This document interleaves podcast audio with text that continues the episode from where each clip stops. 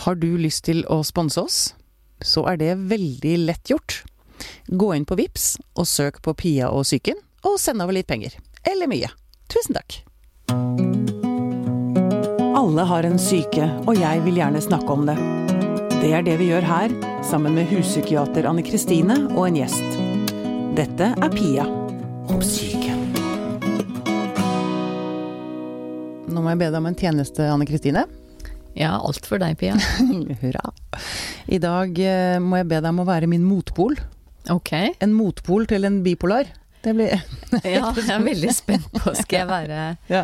ja, opp eller nede, eller? Eh, Nei, du skal bare være Jeg har nemlig eh, det, Jeg vet at i dag så vil det være vanskelig for meg å være objektiv.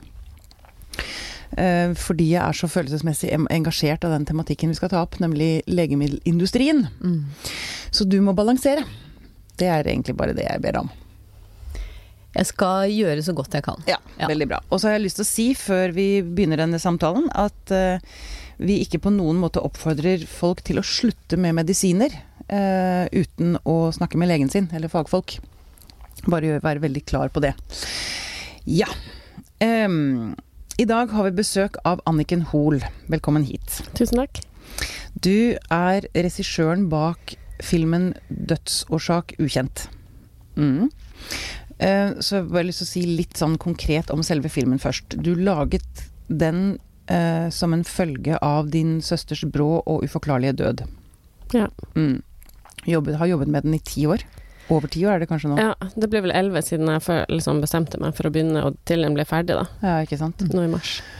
Og nå i juli så vant filmen pris for beste utenlandske dokumentar på Michael Moores Traverse City Film Festival i USA. Ja. Gratulerer! Gratulerer. det er stort. Ja, det var et veldig fint øyeblikk. Ja, det skjønner jeg godt. Um, jeg har sett filmen.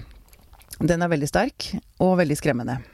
Uh, og vi skal snakke mye om filmen og innholdet i den. Men først så har jeg lyst til å høre litt om din søster. Ja. Og hva det var som skjedde med henne.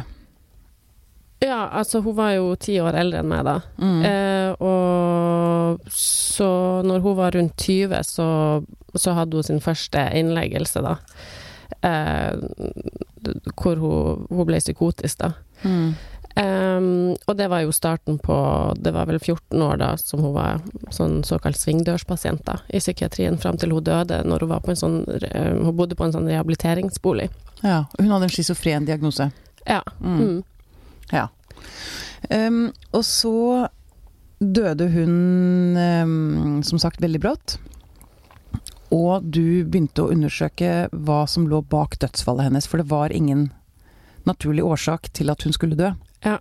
Det var, vi fikk bare beskjed om at eh, dødsårsaken var ukjent fra obduksjon. og de kunne ikke si hva som hadde forårsaka dødsfallet, og det syns jeg var veldig rart, i og med at hun var 34 år. Eh, og um, så jeg begynte vel å og, og vi visste at det hadde skjedd noen ting med, med medisineringa hennes eh, kort tid før hun døde, eller ca. et halvt år før hun døde, da. Så, fordi vi hadde blitt informert om det, at det skulle være noen forandringer. Mm. Eh, så det gjorde jo at, eh, at jeg på en måte begynte å, å spørre Oi, er han som hadde behandla henne, da, liksom, kan jeg få journalene, kan jeg se eh, hva, hva slags medisiner hun, hun var blitt behandla med? Og først så var det ikke noe informasjon om eh, medisineringa eh, det siste året, da, eh, i det hele tatt, i journalene. Eh, det var faktisk ingen journal, journaler i det hele tatt, eh, bortsett fra journalnotatet når hun var funnet død. Eh, Så det gjorde jo da at jeg måtte på en måte gå litt lengre for å få tak i informasjon om hva slags medisiner det faktisk var, og hva som hadde skjedd da. Mm. Eh, Og da fikk jeg jo vite at hun, at hun eh, Ja, det var en forandring da, et halvt år før, Mm. cirka. Mm. Um, og du oppsøkte også psykiateren hennes. Ja. Em, og så begynte du å ane at noe var galt. Eller at hun hadde gått på ganske sterke medisiner. Ja, jeg visste ikke jeg, jeg hadde egentlig ikke i begynnelsen noe formening om at noe var galt med medisinen. Jeg hadde ikke noe liksom Jeg bare lurte på hva det kunne være. Ja.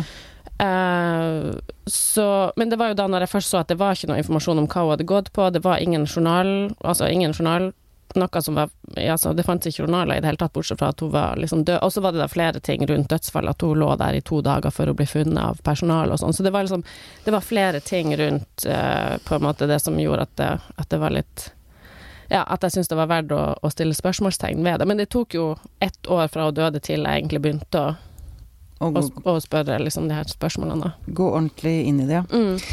Um, um, men så fant du ut at um, Du begynte å undersøke medisinen hun hadde gått på. Mm. Og så oppdaget du plutselig at det sto på en av medisinene at en bivirkning mm. var mulig plutselig død. Ja. Uh, jeg oppdaga det først på Altså i begynnelsen, altså først når jeg så hvor mye medisiner hun sto på, hun sto på fire antipsykotika uh, da hun døde, pluss et sovemiddel. Men, fant, men, akkurat da så fantes det ikke noe informasjon på pakningsvedleggene om at plutselig død kunne være ei bivirkning. Nei, for det kom et par år senere? Det kom i 2007. Og det lagt inn. i 2005. Ja. Mm. Så først så, så, var jeg liksom helt sånn uten spor. Um, og, og så da i 2007 da, så fant jeg jo da at det ble lagt til påpakningsvedlegget, og ikke bare på én medisin, men det var en klasse, altså lagt til på hele klassen medikamenter som heter antipsykotika, da. Ja. Eh, som en sjelden bivirkning, da. Uh, ja. Men og det, dette ble liksom Det blir bare sneket inn. Det er ikke noen som liksom varsler om at oi, nå dette er en bivirkning som er Ja. Altså, det, det, det blir liksom ikke noe blest om det. Nei, de, de, visste jo ikke om det på, på, sykehuset der som hun Altså han psykiateren eh, hennes visste ikke om det, og ikke det var ikke kjent på det sykehuset heller, så vidt han fortalte meg. Men det var jo også Altså, Statens legemiddelverk hadde ikke gått ut med noe sånn eh, Ja, nå er det blitt lagt til en alvorlig bivirkning på det her legemiddelet, liksom. Nei, men ikke engang leger og psykiatere fikk beskjed om det, altså? Nei. Hm. For Men, å si det sånn, så er det Det man får beskjed om gjerne, det er hvis et preparat blir trukket tilbake. Mm. Da sendes det ut eh, beskjed, og da står det at det og det preparatet er trukket tilbake fra markedet pga. sånn og slik. Mm. Men eh, når det blir lagt til Altså verken når det blir lagt til nye bruksområder eller bivirkninger eller sånne ting, så er det noe sånn systematikk i at alle får beskjed, men alle får tilbud om ny utgave av eh, Felleskatalogen, som er den, den der svære medisinboka. Ja, det er vel ikke noen som ligger og nileser den på senga, liksom? Ikke fra perm til perm, det tror jeg nok. Nei.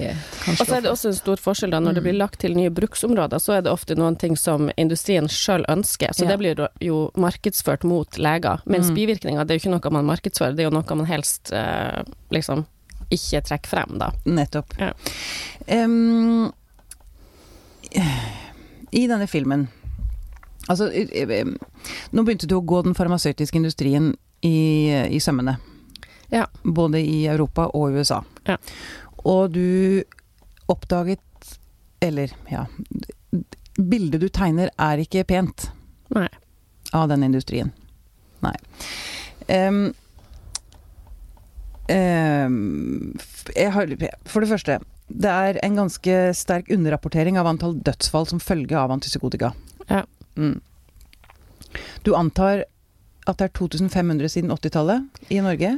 Ja, det, Eller? ja, det er Altså, det er Da jeg uh, I 2014 da var det 126 registrerte rapporter på, på antipsykotika. Mm. Men på generell basis når det gjelder eh, innrapportering av bivirkninger, så er det svært få bivirkninger som blir rapportert. Eh, og man og det er forskjellige tall, da, men man regner med at det er mellom 1 og 10% som blir rapportert. Mm. Så det betyr at Og hvis vi da tar en, en generell Det er jo et, et intervju med en farm, farmasøyt som har jobbet på Realista, at hvis man tar og, og antar at kanskje 5% blir rapportert, eh, så blir det ca. 2500 mulige dødsfall eh, i Norge, da. Men det er siden det her rapporteringssystemet starta. Jeg tror de første rapportene er på slutten av 70-tallet eller begynnelsen av 80-tallet. Mm. Nettopp. Mm. Ok.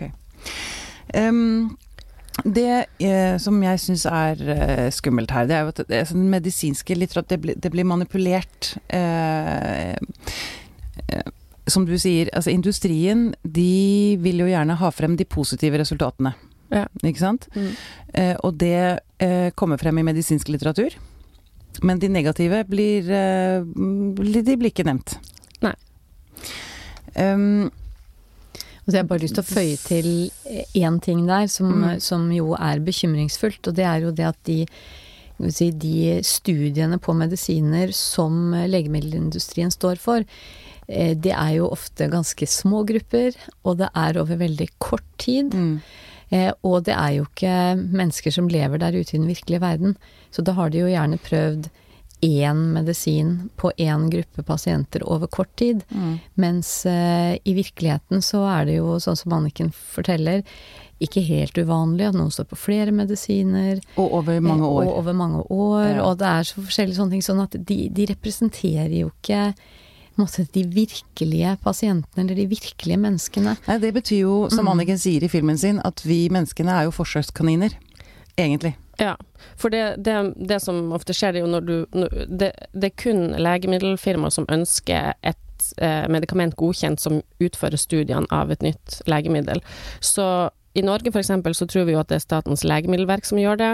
I, i virkeligheten så er det altså EMA, European Medicines Agency, som da går igjennom de studiene som det legemiddelfirmaet har utført, og, og, avgjør om det blir godkjent eller ikke. Men er det ikke sånn at EMA er finansiert av legemiddelindustrien til 85% eller hva det var? Eh, 87, og nå de siste årene så var det 89 og Det er da fordi at legemiddelindustrien må betale for eh, tjenestene de får fra, eh, fra EMA, da. Men er ikke dette litt sånn bukken og havresekken, da? Eh, veldig. Og det er ingen som kontrollerer det egentlig ordentlig? Eh, eh, det kan man jo si hvis det, det, det er ingen uavhengige eh, kontroller, kan man si. Det hadde kanskje vært bedre hvis vi hadde hatt altså kontrollører som Altså at det ble gjort studier som ikke ble utført av selskapene sjøl, men av mm. andre. Mm. Og du kan si det ropes og skrikes etter midler til forskning. Fordi at eh, veldig mange fagfolk ønsker jo å kunne forske også på medisiner eh, uavhengig av legemiddelindustrien. Men da må myndighetene bevilge penger. Og det, det, er dyrt med forskning, og det tar lang tid, og man finner ut bare lite grann om gangen. Så bare sånn til alle politikere som er faste lyttere av Pia og psyken, så kan vi jo si at det må bevilges mer penger mm. til legemiddeluavhengig forskning, mm. hvis vi skal uh, få gjort noe med dette. Mm. Eh, for det er jo gigantiske summer i den industrien. Altså vi snakker om så mye penger, og det er selvfølgelig derfor det er um, Det er derfor den er så skummel, industrien. Uh, um, de største bøtene i det amerikanske justisdepartementets historie er gitt til farmasøytiske selskaper. Ja. Jeg så Johnson Johnson fikk en bot på 2,2 milliarder dollar ja. for feilaktig markedsføring. Ja. Og de er ikke de eneste. Nei. Nei. Um, og så Uh, sier du også at det ikke finnes noen studier som påviser positive effekter ved antipsykotika? Du, eh, du sleit med å finne det? Ja, jeg, jeg sleit med å finne, altså uh, Da vi var på opptak, å finne altså, relevante studier som var nye, som ikke var gjort av industrien sjøl, som mm. viste positive resultater. Mm. Det var vanskelig. Så jeg ringte til NIMH, National Institute of Mental Health, verdens største forskningsinstitusjon på mental helse, og de kunne ikke gi meg noen uh, positive studier, da. Mm. Uh, så, uh, så, det de sendte meg, det var det en, en studie som visste at bruk, hos bruk i, altså bruk hos mennesker over 40 år off label, så viser det at de ikke er safe and effective, da. Mm. Eh, så, men det kan jo ha veldig mange altså Det også Det som er med det her, at det er så utrolig kompleks materie. Og denne filmen er jo 90 minutter. Eh, hvis jeg skulle ha liksom forklart alt og kommet med alle slags mm. forklaringsmodeller, så hadde det vært kanskje en titimersfilm. For det kan være mange grunner til at eh, Altså, det, det, det finnes flere årsaker til at det ikke finnes positive studier på, eh, på antipsykotika. Det er jo en er jo selvfølgelig finansiering, men det kan også være andre grunner til at man ikke ønsker det, da. Ja. Mm. Mm. Um, ja. ja da, mens du tenker deg om, så kan jeg mm. si det at eh, når man eh, opplever at enkeltpasienter blir bedre, så er det jo ikke fordi Ikke bare pga. medisiner alene. Fordi at det er jo det er jo ikke meningen at noen skal kun få medisiner for en uh, sykdom. Mm. De skal jo ha samtaler, og de skal ha tilrettelegging, kanskje jobbaktivitet. Altså det er jo det som er det ideelle. Mm. Sånn at det er jo vanskelig også å trekke ut hvilken, måte, hvilken bedringseffekt skyldes det ene, og hvilken bedringseffekt skyldes det andre. Så det er, det er vanskelig også å undersøke disse tingene. Ja. Mm. Ja. Du eh, ba om balansering, Ja, Pia. ja, det er helt det er strålende. Det er veldig bra. Og jeg er også eh, enig i det, at, men jeg tror at det som er, er hovedsaken for oss som samfunn, det er at vi slutter å ha en sånn blind tro på at det er denne pillen gjør noe med hjernen min som gjør at jeg blir bedre. Eh, fordi altså, eh, eh, altså forskninga bak det bare stemmer ikke. Så Nei. det finnes mange årsaker, altså f.eks. at det demper, kan dempe psykotiske symptomer og sånn, Mm. men, men eh, jeg tror vi må heller eh, begynne å se at det er som eh, som du sier, da, at det er en, en del andre faktorer som skal til for at man skal kunne eh, bli frisk, da. Ja. Og det er også helt nytt, egentlig, at man kan bli frisk. At vi snakker om at du kan bli frisk. For før så var det jo sånn, hvis du kom inn i psykiatrien, så var det du kommer til å være her hele Mm. livet. Og, og de som kom ut derifra frisk, de ble jo stilt spørsmålstegn ved om at da, da hadde du bare feil diagnose, liksom. Ikke sant. Ja. Men det er jo, altså uten tvil, vi har jo eksempler, blant annet Arnhild Lauveng, som Ja. vi skal ha i studio her på et senere tidspunkt, Ja. som jo faktisk er blitt frisk av schizofreni. Ja. Og vi har personlighetsforstyrrede Altså, bipolar har jeg faktisk ennå til gode å høre noen som er blitt frisk av.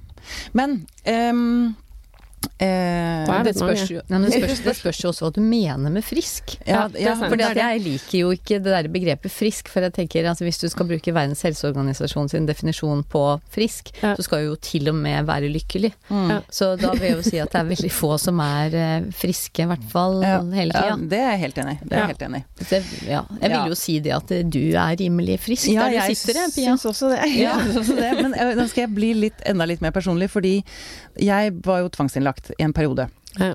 Eh, og jeg måtte gå på Cyprexa, Ja. som er en av medisinene du tar opp i filmen din. Ja. Ikke sant? Eh, som har bivirkningen plutselig død. Mm. Eh, og jeg måtte gå på Cyprexa. Jeg ble fortalt at hvis jeg ikke eh, tok den, så ville jeg blitt tvangsmedisinert. Og jeg hata den. Altså, det, det var en så ubehagelig medisin. Det var som å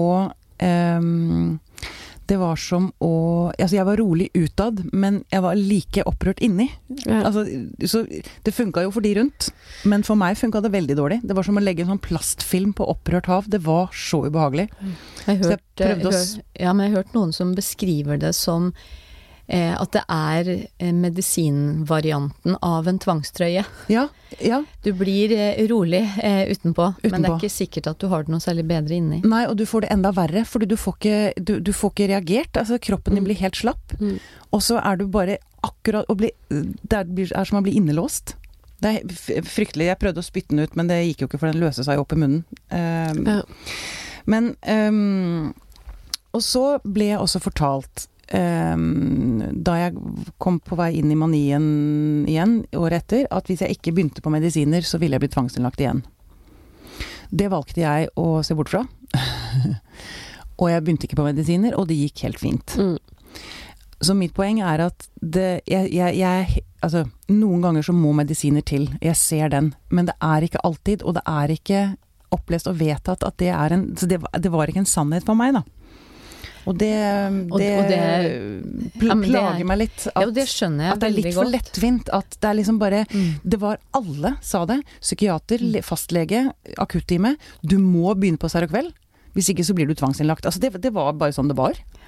Og den syns jeg Den plager meg. Mm. Vet du, det skjønner jeg veldig godt, og det er jo det Når vi snakker om at noen trenger medisiner, så er jo det ideelle er jo at man sammen kommer til den vurderingen. Eh, og det er noen som jobber ganske aktivt med, med det nå, det som kalles samvalg. Ja. Og da inngår det at eh, den som skal ha medisinene, også skal ha tilgjengelig, altså tilgjengelig samme type informasjon Mm. som den som skriver det ut har. Men altså, det er et stykke igjen før det er rutine. Mm. Men, eh, men jeg tenker det er jo det vi må det er jo det vi må strebe etter. Ja. Mm. Mm. Det er jo også et stykke igjen for de som skriver ut, faktisk er klar over de faktiske bivirkningene. Ikke For det er jo Det er jo det du har vist, Problem. Ja. Det er jo rimelig viktig. Um, Men um, jeg har bare lyst til å snakke litt mer om hvordan denne industrien opererer, fordi de ville selge mer Suprexa. Ja. Um, og eh, bare si det er noe medisin som har solgt mer enn all time high bestselgeren Prozac. Ja. Og som blir laga av samme selskap. Som blir laga av samme selskap. Ja. Mm. Men så overbeviser de altså leger um, om å Eller altså, de lærer opp legene til å se etter andre symptomer enn depresjon, for Suprexa Cyprexa virker ikke på depresjon. Og så begynte de å påvirke legene til å se at pasientene var bipolare, for da kunne de ta Cyprexa. Ja. Så, så, det var jo da sånn at Eli Lilly det heter det selskapet som lager Prozac, også her i Norge kalles det, er det Fontex, som er øh, virkningsmiddelet, mm. øh, tror jeg. Um, uh, og så var det på patent, men når et legemiddel mister patent, så mister man også den store inntjeningen. Mm. Uh, så de hadde et legemiddel som skulle komme opp etterpå, og det var Cyprexa. Uh, men da sto jo så utrolig store deler av befolkninga på Prozac. Som måtte, er et antidepressiva? Som et antidepressiva, ja. Mm. Så de måtte da få legene til å begynne å skrive ut Cyprexa istedenfor, fordi Prozac mista patentet. Ja, ja. Eh, så da var det jo da den her store kampanjen med å overbevise flere om at de var bipolar, ikke dep depressiv, liksom. Eh, for å selge mer Cyprexa. Mm. Det, det, der er uh, ja. Og det har jo, og det har jo For det om det her skjer veldig sterkt i USA, så, så er, har det jo påvirka våre samfunn. For når begynte vi å høre om bipolar, sånn generelt sett, at veldig mange var bipolar? Jo, det begynte liksom i løpet av 90-tallet.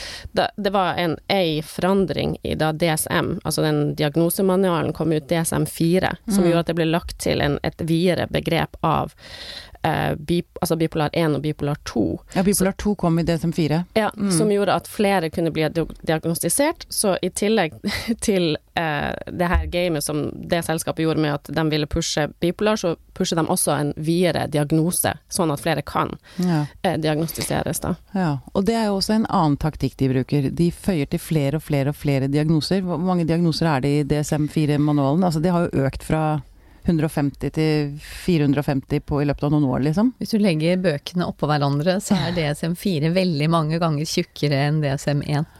Ja. Og mm.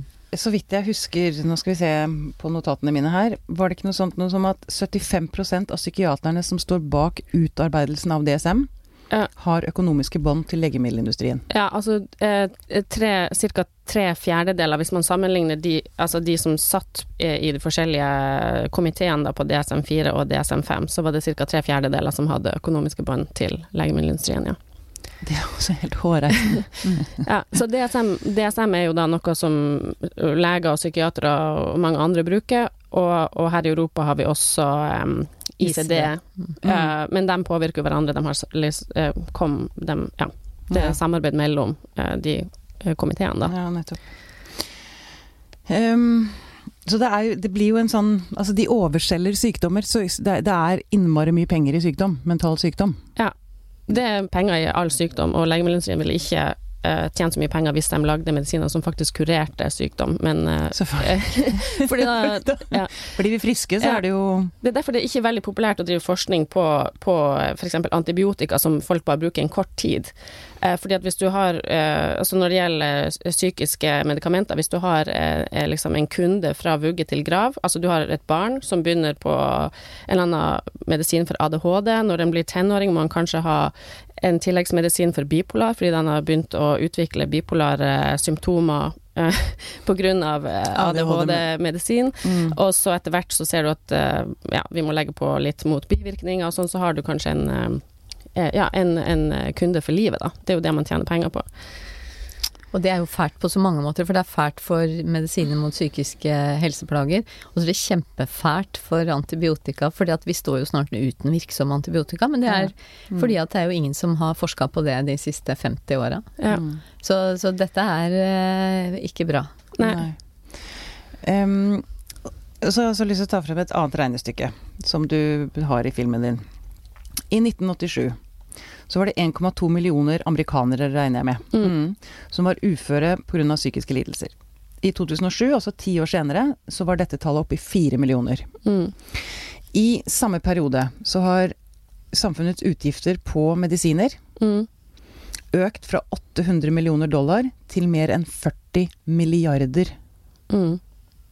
Ja. Det jeg ser av det, det er at um, det, det, hjelper jo ikke. Altså medisinene hjelper jo ikke. Det bare eskalerer. Ja, eller hvis vi skal balansere det litt, da, så er det vel noe mer sammensatt. Altså noen har jo god effekt av medisiner, mm. noen har det ikke. Men som uh, min kollega Jan Olav Johannessen i Stavanger alltid sier, han sier at det er et paradoks at det er de som har minst effekt av medisinene, som står på størst doser over lengst tid. Mm. Så det det handler om, det er altså én ting er at man kan trenge medisiner i en periode, men eh, feltet har vært altfor dårlige på å følge opp bivirkninger, og altfor dårlige på å trappe ned og slutte med medisiner. Eh, ja. Så det, altså det, men, det, er også en, en, del av dette her. For det, det, er, jo litt sånn som du snakka om i stad, at hvis du blir satt på medisiner, så tenker man liksom du skal stå på det resten av livet. Og det lærte jeg også. At hvis man hadde hatt to episoder med psykose, så var det lurt å stå på antipsykotika resten av livet. Ja. Mens nå begynner man jo å tenke annerledes. Ja. At når du er ferdig med psykosen og kommet ut av den, så kan du jo trappe ned og slutte på medisiner. Ja. Men så er det jo også det at medisinene faktisk kan forårsake lengre sykdomsforløp. De kan faktisk forårsake de samme symptomene som de er der for å, å, å døyve, da. Eh, og når du legger det sammen med altså denne markedsføringa av mental lidelse, som også står for eh, denne, at vi har fått så mange syke, da. Eh, eller syke, ja, eller hva man skal si. For, mm. som, eh, mennesker som blir sånn at de ikke kan funksjonere i samfunnet med jobb og, og sånne ting, da. Mm. Ja, men fordi altså, dette regnestykket, det er fire ganger så mange som er uføretrygda, eller nesten. Mm. Ehm, eh, penger brukt på medisiner har ganget seg med 50 i samme periode. Ja. Det er ikke et eh, Da, da mener det er, en, det er et stort tilbakesteg for uh, menneskeheten, ja. syns jeg. Ja. Det, er, det, er, noen som sitter og skor seg noe jævlig, unnskyld, på, på at vi er mennesker som slåss med rare ting. Ja. Fordi vi er mennesker, liksom. Vi slåss med sorg, og vi slåss med ikke sant? Eller slåss med Vi har masse følelser. Ja. Og det er det noen som sitter og skor seg på. Ja. Det var jo det som gjorde at jeg på en måte tok eh, At, at det gikk fra å være en historie om søstera mi, til at når jeg fikk eh, tilgang til noen sånne interne dokumenter fra Eli Lilly, det selskapet som lager Prozac og Cyprexa, da, mm. så begynte jeg å se at det var jo mennesker som satt og, og liksom planla hvordan kunne de tjene mest mulig på dem som er bipolar.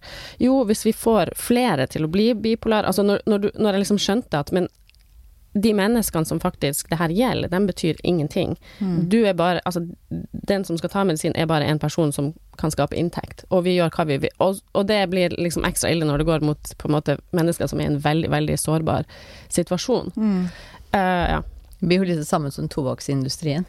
Altså sånn jeg tenker at De ønsker å få folk til å røyke for å selge røyk, når alle vet at ja. det ikke er helsebringende. Men det er annerledes fordi at medisiner er noe som du faktisk ja, tar for å bli bedre, og du går til legen din fordi du stoler på legen, ja. og legen vil gjøre det beste for deg. Men når den industrien som selger det produktet som legen vil gi deg, er bare interessert i å tjene mest mulig penger, så er det klart at vi får et problem.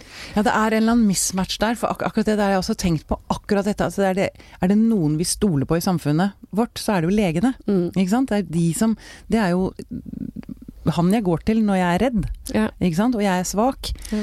Og den tilliten blir så Den utnyttes uh, av legemiddelindustrien. Ja. Og det er den jeg syns er så innmari ubehagelig. Ja. Um, um, du sier også noe om at uh, systemet altså Vi tror at det er mye verre i USA. Men det er ikke så innmari mye bedre i Europa. Nei. Uh, som vi var inne på uh, Hva heter det? FDA i EMA. Mm. Mm de ehm, Ja, det var vi inne på i sted, at de, de, er finansiert av industrien, så det er liksom ikke noen kontrollmekanismer her. Altså, de går jo gjennom eh, eh forskninga som det selskapet gir, som vil ha et legemiddel godkjent, men det er ingen uavhengig eh, utprøving Nei. av legemidler. Nei. Um, en annen ting du var så inne på, den farmasøytiske lobbyen. Altså det er mye lobbyvirksomhet um, innenfor denne industrien. Den er større enn alle de andre. Eh, ja, i hvert fall i, ja, i, USA så er den jo større enn finansindustrien, og altså Den er den største eh, Den største lobbyen i, i Washington, liksom. Mm. Mm. Mm. Du likte å se en lobby for musikkterapi? Ja. ja. ja. det hadde vært noe. Tenk om det hadde vært mye penger i det. Ja, nei, men altså, ja, men jeg mener det. Det er, jo, Mm. det er jo det som er så ille. Jeg har jo jobba jo, husker jeg da jeg var eh, ungdom, som eh, pleieassistent i psykisk helsevern. Og da var det jo budsjettkutt og innsparing. Det ble jo selvfølgelig ikke spart inn på medisiner, men det ble spart inn på minibuss, og det ble spart inn på treningskjøkken, og det ble spart inn på aktiviteter for pasientene. Og så ble det heller kake til kaffen. Ja. Så det er liksom noe med, med helheten her, at man har ikke vært villig til å satse på alle de andre tingene som også er god Nei, behandling, og som er viser effekt. Men det er det når du sier mann, hvem er mann? Det må jo være staten, ikke sant? Ja. Fordi Ja. legemiddelindustrien tjener jo altså milliarder, ikke sant? Mm. Det er klart at de vil fortsette. Altså, eller Mm. de burde jo ikke, men sånn er det jo livet. Mm. At ja, alt som genererer penger, det liker veldig mange. Mm. Det får ikke fram det beste i folk. Nei, det gjør egentlig ikke det. Um, men uh, hva tenker du, Anniken, at uh, Eller hva ønsker du deg? Um, hva var liksom drømme... Eller, eller jeg for å spørre først, denne filmen, har den hatt noe impact? Altså har den fått Har, den, har du sett noe effekt av den? Eh, ja, altså det jeg får uh, Altså jeg har jo blitt invitert til uh, Norsk psykiatrisk forening for, eh, for eksempel, for å vise filmen nå i, i, i høst.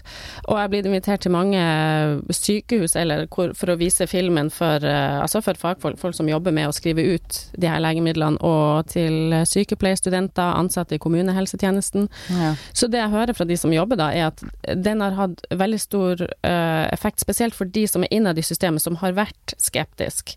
Eh, at de har fått en, en ekstra eh, Hva heter det, et ekstra alibi for sine meninger, og det, og det blir mer ok å snakke. Men det er jo ikke bare pga. filmen, det er jo pga. den tida vi er i, og at det er så mange som har, uh, har snakka kritisk om medisiner, og selvfølgelig medisinfrie tilbud har vært veldig, Mm. vært veldig viktig.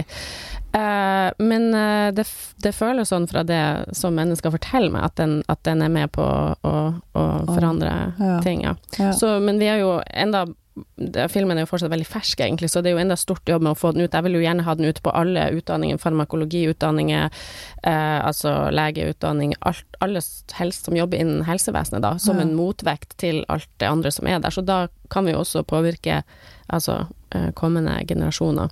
ja. Mm. For du snakker om en brytningstid nå. Ja, Absolutt. Eh, hva tenker du, hva er det du legger i det? Nei, jeg tror altså sånn, sånn at, man, at man kan sitte åpent med psykiatere og snakke om at ja, det her medisinene er ikke det vi trodde de var. Vi må faktisk være skep... Vi, altså, det, den fun de funker ikke for alle, for det her har jo vært liksom den hellige gral i mange år. Mm. Eh, jeg tror det var i 2007 så kom jo psykologen eh, En norsk psykolog ut med en bok som heter 'Dødelig terapi'. Mm. Et, eh, nå husker jeg ikke navnet på føttene akkurat der nå. Eh, og hun ble jo helt eh, Altså, hun ble latterliggjort eh, i media av psykiatere, de her gamle gubbene, da, som det er veldig mye av, om jeg får si det sånn. Eh, eh, og, så det har liksom vært sånn eh, Hvis du kritiserte de her medisinene og forskninga som den er basert på, så det, altså det var, har vært helt uhørt, liksom. Mm. Eh, men nå er det ikke sånn lenger.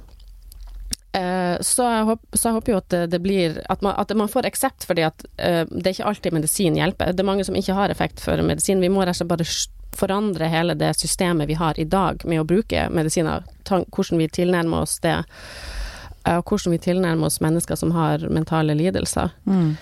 Um, og så har eh, og så er det jo mye mer radikale ting når det gjelder eh, altså selve, altså hvordan medisiner blir godkjent. Det gjelder jo ikke bare psykiatrien, det gjelder alle medisiner vi har. Fordi at, eh, som vi snakka om i stad, det, det er jo staten som betaler for de her medisinene, mm. for det meste. Og de fleste innovasjonene innen medisin skjer faktisk på universitetene, og ikke i legemiddelindustrien. Så er det ofte at industrien kjøper patent på innovasjoner som blir gjort i våre eh, universiteter. Så jeg mener jo at det hele det her systemet må rives opp med rota, fordi da får vi, eh, sånn som nå, så har du jo nå er industrien gått litt bort fra det der eh, livslange løpet med medisin, men nå vil de heller selge veldig dyre kurer, sånn som vi hører om kreftkur som koster 1,5 millioner i året per pasient, og så skal de da på en måte utnytte vår regjering som sier ja, dere, dere må støtte det her, og hvis dere ikke gjør det, så, så, er, det, så er dere liksom driver dårlig helsepolitikk. Men det spørsmålet vi må stille er hvorfor i uh, tar dere 1,5 millioner for denne medisinen. Fordi legemiddelindustrien er den industrien som har sinnssykt høy uh, fortjeneste på produktene. Mm. Altså det kan nesten ikke sammenlignes med noe annet. Uh, så vi må rett og slett Hele det systemet der bør rett og slett revolusjoneres. Mm. Hvis, det, hvis det er mitt ultimate mål da, som gjelder all medisin, hvis vi skal få medisin som faktisk tjener oss, folket, vi eh, som betaler skatt, og, og ja. Mm. Og hvis vi skal få ja, et helsesystem som, som, er til våres gode, og ikke for en industri, da. Mm. Ja. For jeg, jeg, tenker at eh, det, det, er vel også litt sånn at fordi vi alltid har gjort det altså Vi må være villige til å tenke nytt. Vi har jo som sagt, som du sa, begynt å tenke litt nytt, behandlingsfrie tilbud og sånn. Men det er liksom som vi snakket om i tvang, ikke sant. De reduserte tvangen med 85% på Lovisenberg ved å tenke nytt. Og sånn tenker jeg også med medisin. Det er litt for mm. lettvint, liksom. Mm. Og at leger kanskje kunne bli flinkere til å være, våge å prøve andre måter, da. Ja. Enn å bare bruke liksom ti minutter 'Å ja, du er sånn, da setter vi deg på den medisinen', ja. liksom. Ja. Det som bekymrer meg veldig, det er jo fastlegene som skriver ut uh, antidepressiva til veldig unge jenter. Det er jo den høyst økende uh, kundegruppa da, på mm. antidepressiva. Det er jo unge tenåringsjenter. Og det blir alltid liksom stilt spørsmål ja, men hva, hva, som er galt med alle de her jentene som må gå på antidepressiva. Jeg syns vi skal spørre hva som er galt med alle de legene som skriver ut veldig enkelt antidepressiva. Men nå vet vi jo også at legene ikke har noe alternativ, for vi, man vil jo alltid hjelpe. Mm. Så der må vi også tenke nytt i, altså i, samfunnet. i, i samfunnet. Ja, mm, mm, hvordan, uh, hvordan vi skal behandle Altså, folk har du har problemer, og, men, men, legene har ofte ingen alternativer. fordi at du kan ikke sette den personen seks måneder på venteliste og så gjøre ingenting, for mm. selvfølgelig mm. Ja. Så der har vi jo også nye, altså sånn som um, um, Altså nå står det helt stille. Um, stangehjelpa, for eksempel. Ja. Uh, som, som på en måte tenker nytt. Mm. at mm. vi, hele kommunehelsetjenesten sånn sett også bør kanskje mm. Re, revitaliseres, på en måte. Mm. Ja, og at vi må slutte å tenke i siloer. For nå er det jo sånn at så går du ett sted, og så får du medisiner, og så går du et annet sted, og kanskje må søke om tilrettelegging på jobben, og så går du et tredje sted og får noe annet. Men altså at det må skal det være pasienten i sentrum, så må det jo være den personen som er hovedpersonen. Mm. Og så må folk eh, måtte samarbeide mye, mye mer enn det gjøres i dag. Ja, noen, noen, får det til noen ja. steder. Eh, men veldig mange steder så er det fremdeles sånn. Så skulle jeg også ønske at vi mennesker ble, jeg holdt på å si um, Jeg er så glad for at jeg valgte å ha tillit til meg selv. Mm. At vi blir at vi liksom um, For det er ikke sånn at legene sitter med svaret på alt. Altså, mm. vi, vi, jeg tror at vi vet vi, har, vi er sterkere enn vi tror, da. Nå er det mulig at nå ser jeg på psykiateren. Nei, ja, ja, men at, at, at de, for det er, det er, som om vi blir lært opp til at systemet liksom skal passe på oss, men, mens mm. vi, har så mye, vi har så mye ressurser. Mm. Eh, og vi har en sånn styrke hvis, hvis den blir dyrket frem, da. Jeg, jeg tror at det er, det er, noe med tankegangen der som jeg også er litt opptatt av å Ja, og jeg tror det at eh, det må Altså framover nå så må helsehjelp være i mye større grad et samarbeid mm. mellom likeverdige parter. Mm. Og ikke sånn at man eh, kommer og, altså, og gir seg over i noens hender, mm. men at man, eh, man, har en dialog hele tida. Ja. Og så er det jo det der kjernespørsmålet når man møter eh, noen som er i en krise eller er syk eller noe, så må man jo starte med å spørre hva er viktig for deg? Mm. Mm. For det er jo også når det gjelder f.eks. da å gi antipsykotika mot stemmehøring. Mm. Det kan jo godt hende at det å høre stemmer ikke er så ille for den personen som har det, og at det den personen helst vil ha hjelp til, er å komme seg i jobb. Ja. Eller komme i bedre fysisk form. Ja. Sånn at hvis man som, eh, som helsepersonell liksom tenker at det må da være viktig å redusere symptomer, så er det ikke sikkert at det er det som er viktig for mm. den som har symptomene. Kanskje er det noe helt annet. Mm. Så man må jo begynne der. Hva er viktig for deg? Ja. Mm. ja. Jeg har bare lyst til å gjenta helt på slutten her nå også at eh, som sagt, det er viktig at hvis du går på medisiner, så ikke bare slutt. Ja. Men gå og snakk mm. med legen din. Gå og snakk med mm. legen. Det er lov å stille spørsmål. Mm. Det er lov å være kritisk. Absolutt. Og det er lov å lese pakningsvedlegg, og det er lov å liksom ja. ja. Og for de som ønsker å slutte, da, så er det veldig utfordrende å begynne å Det kan være veldig utfordrende å begynne å, å trappe ned på medisiner, og det må mm. man være klar for. At det er ikke noe man eh, Altså, det må man jo tenke seg nøye om å, og Mm. gjøre på, på en skikkelig vis, men jeg vet jo også mange som har blitt faktisk frisk og mye bedre av det etter at de har slutta på medisiner. Ja. Eh, så det er absolutt noe å, å vurdere med fagfolk, da. Ja. Mm. Ja, og legge en plan rett og slett sammen. Ja. Mm. Mm. Til sist, eh, Anniken, er det noe du har lyst til å føye til? Noe du har brent inne med, syns du? Eh, nei, jeg bare jeg, Når jeg skulle si om den filmen hadde forandra noe, så fikk jeg jo ikke sagt eh, også det at eh, jeg tror at det er veldig mange som har vært i den situasjonen uh, som søstera mi var, både som pårørende og dem som har vært syke sjøl, som har, uh, som har uh, hatt vel, At den filmen her har betydd veldig mye for dem. Ja.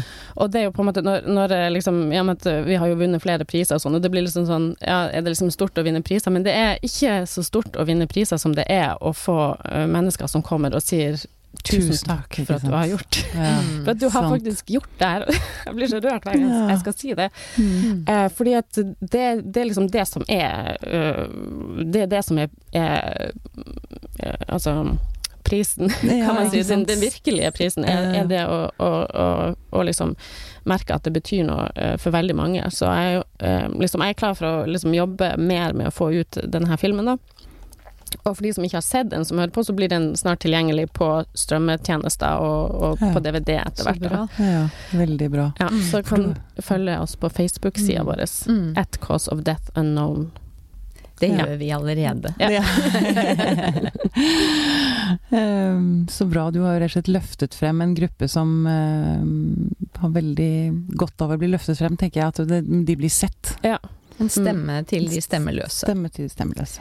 Ja. Veldig bra. Jeg, har, jeg må bare spørre deg også på slutten, Anniken, om har du fått bearbeidet din sorg over din søster med denne filmen? Ja, uff, det, er- det der er liksom sånn at det, det, var, det var jo liksom sånn i begynnelsen, men etter hvert så ble, så ble det jo Fordi den prosessen gikk så lenge, liksom. Så jeg måtte liksom Jeg følte liksom at jeg nok, Noe som på en måte andre kanskje kunne legge bak, så jeg måtte jeg holde åpent, og, og, så- og spesielt det med å snakke i offentlighet om det, og, og alt mulig sånt. Jeg følte at det ble veldig, veldig slitsomt, egentlig, å, å holde det liksom oppe så lenge. Men, Mm. eh, men det er jo absolutt verdt det eh, når jeg ser hva den filmen kan gjøre, da. Uh, men nå, nå uh, Ja. Ja. Men du har, vært, du har jo på en måte vært veldig sånn aktiv pårørende i elleve år Ja. etter at du mista søstera di. Ja. Mm. Krevende, det. ja. Det ja. Men det er Jeg er i hvert fall veldig takknemlig for at du laget denne filmen. Takk. Lykke til videre. takk, Ja. takk. Tusen takk for at jeg fikk være her. heia deg, heia filmen din. Ja. Anniken Hoel, tusen takk for at du kom til oss. Takk for meg.